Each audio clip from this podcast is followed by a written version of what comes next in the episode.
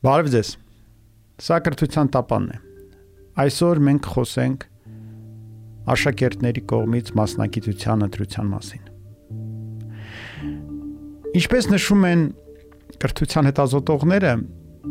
հանրակրթական համակարգերը ունեն հայտարարված նպատակներ։ Ինչպիսին են օրինակ հմտությունների ձևավորելը, հանրային ոլորտում, սոցիալական ոլորտում վստահ համագործակցելու կարողություններ ձևավորելը նման անհրաժեշտ եւ կարևոր բաներ, որ մենք տալիս ենք մեր երեխաներին։ Սակայն բացի դրանից կրթական համակարգ ունի նաեւ ստվերային նպատակներ, որոնց մասին շատ չի խոսում, սակայն դրանք ոչ քիչ կարևոր են։ Օրինակ, դպրոցները ապահովում են աշակերտների համար վերահսկվող եւ անվտանգ տարածք, որտեղ երեխաները կարող են գտնվել, որ เป զի իրենց ծնողները ազատ լինեն աշխատանքի գնալու համար։ Մի այլ օրինակը դա աշակերտների դասակարգումն է։ Բոլոր երեխաները գալիս են դպրոց, իրար հավասար փոքր մարդուկներ։ Սակայն որոշ ժամանակ հետո, երբ որ իրենք ավարտում են դպրոցը, իրենցից մեկը արդեն ուզում է դառնալ գիտնական, մի այլ մեկ ուզում է դառնալ բիզնեսմեն, իսկ երրորդը նախատեսում է ամբողջ կյանքը անցկացնել տանը անկործության մեջ։ Խնդիրն այն է, որ մեր դպրոցներում մեծամասամբ այս գործընթացը, այս դասակարգումը անցնում է անկառավարելի եւ ոչ հետևողական, ոչ համակարգված ձևով։ Փաստացի երեխաների մի մասը իրենց ապագան ընտրում են ելնելով սիրված առարկայից, ինչը մեծամասամբ կապված է ուսուցչի անձի հետ, սիրված ուսուցիչը սովորաբար դրթում է երեխային ավելի խորը սիրել առարկան, ավելի զբաղվել առարկայով։ Մի այլ մասը ելնում է ծնողների եւ իրենց շրջապատող մեծահասակների անկալումներից, թե որ մասնագիտություններն են փողաբեր։ Այսինքն որ մասնագիտություններ գնալով դու կարող ես ապավեր քո ընտանիքը եւ լավ կյանք վարել։ Օրինակ վերջերս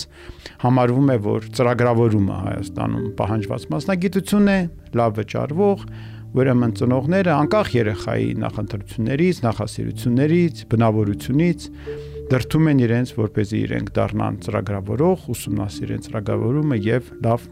կյանքի վստահելի ապագայի բոլոր գրավականները ձեռք բերեն դրանով։ Ինչ վերաբերում է ուսուցիչներին,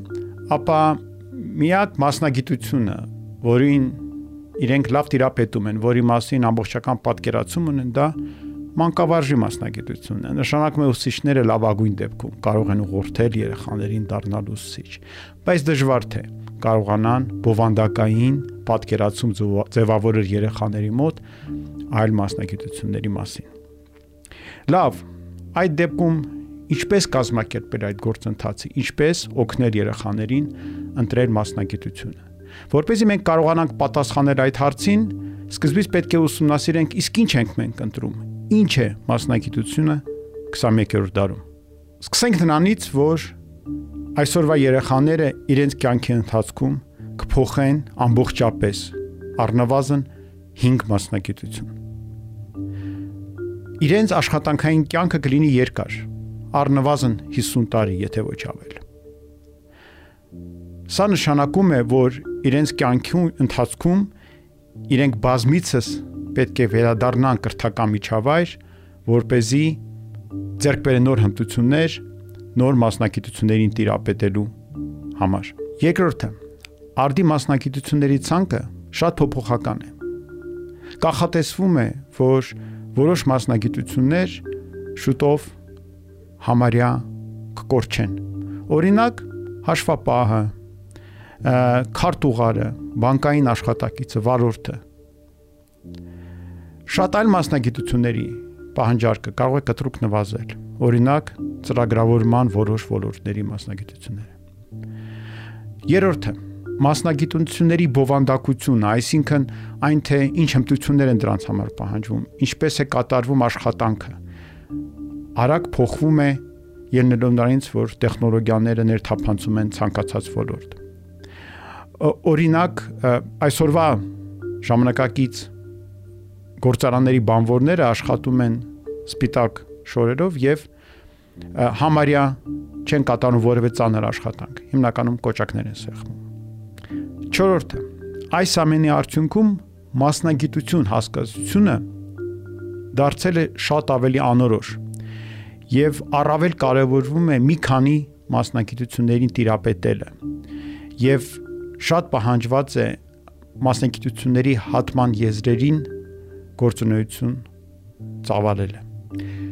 Մինչ այս ամենից հետևություններ անելը ներկայացնեմ մի տեսություն, որը մշակել է ամերիկացի գիտնական Բլումը նախորդ դարի կեսերին եւ որը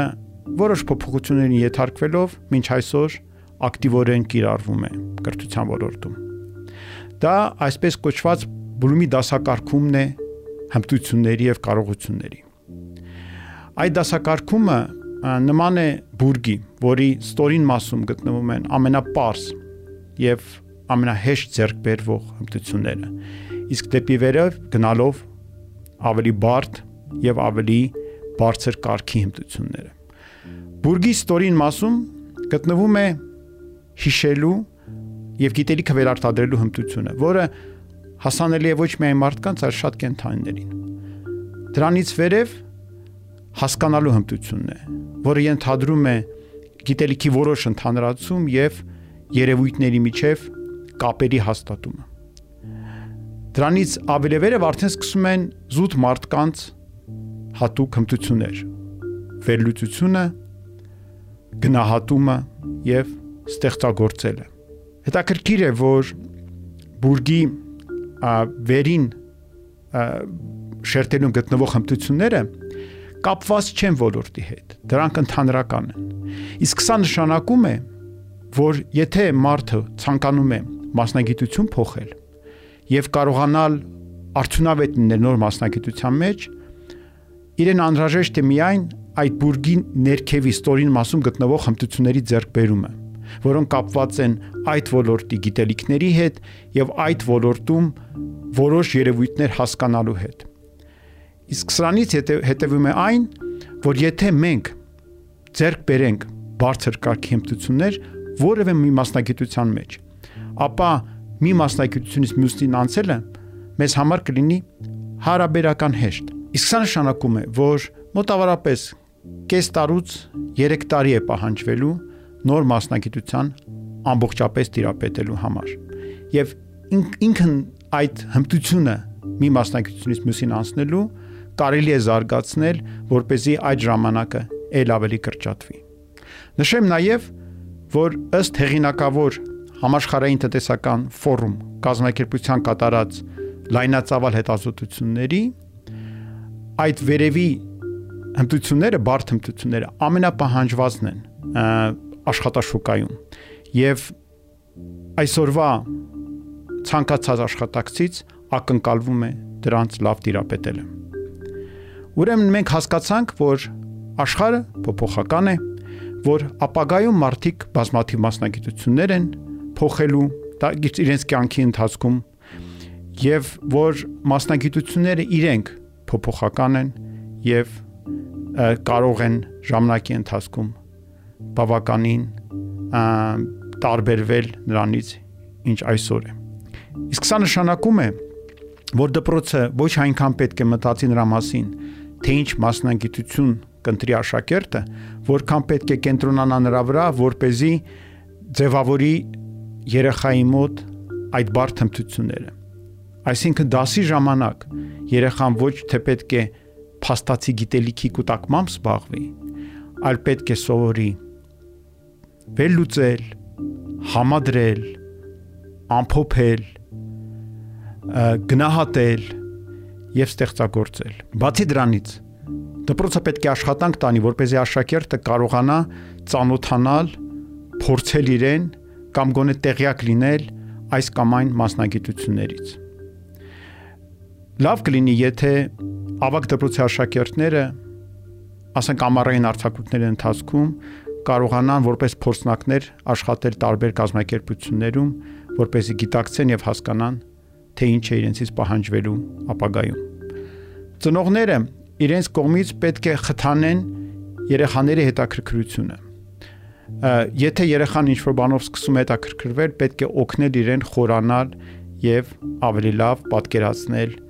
այդ ոլորտը։ Օրինակ, եթե երեխան հետաքրքրված է, ասենք, ավտոմեքենաների աշխատանքով,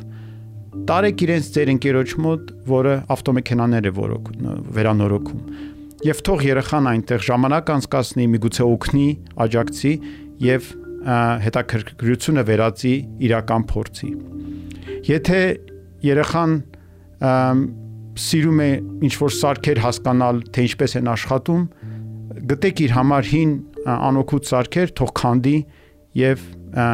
փորձի տեսնել դրանց պարունակությունը։ Եթե երեխան կենթանիներ է սիրում, տան ունեցեք կենթանիներ, որոնց նա կխնամի։ Սակայն իմ հիմնական ուղերձը կլինի աշակերտներին։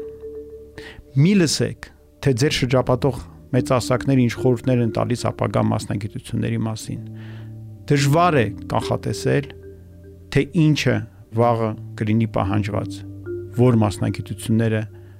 ամենամեծ եկամուտը կբերեն։ Դա չէ կարևոր։ Ինչպես ասացի, դուք ձեր կյանքում բազմաթիվ մասնագիտություններ եք փոխելու Արեք այն, ինչ ձեզ հետաքրքիր է։ Գնացեք ձեր ողջավորությունների յետևից, որովհետև հենց դա է ճանապարհը, որով դուք ձեռք կբերեք այդ բարձր կարգի հմտությունները։ Եթե ձեր ուսումը ձեզ համար հետաքրքիր լինի, եթե դա այն ողջավորիչ լինի, դուք ամբողջապես կտարվեք կրթությամբ եւ շատ եւ շատ հմտություններ ձեռք բերեք դրա շնորհիվ։ Դուք դեռ կկարողանաք վերանայել ձեր որոշումը երբ փոխել ձեր մասնագիտությունը։ Դա դժվար չի լինի, հակառակը դա կլինի սովորական երևույթ։ Պատրաստվեք նրան, որ ուսումը չի ավարտվելու դպրոցում, որ դուք սովորելու եք ձեր ամբողջ կյանքի ընթացքում։ Ամենակարևորն այն է, որ որևէ փուլում ուսումը չդառնա ձեզ համար ծանր բեռ, անցանկալի պարտադրված գործունեություն, չվերածվի հոգսի, քանի որ դա կարող է կործանել ձեր ապագան։ Այսքանը մասնագիտության ընտրության մասին շարունակեք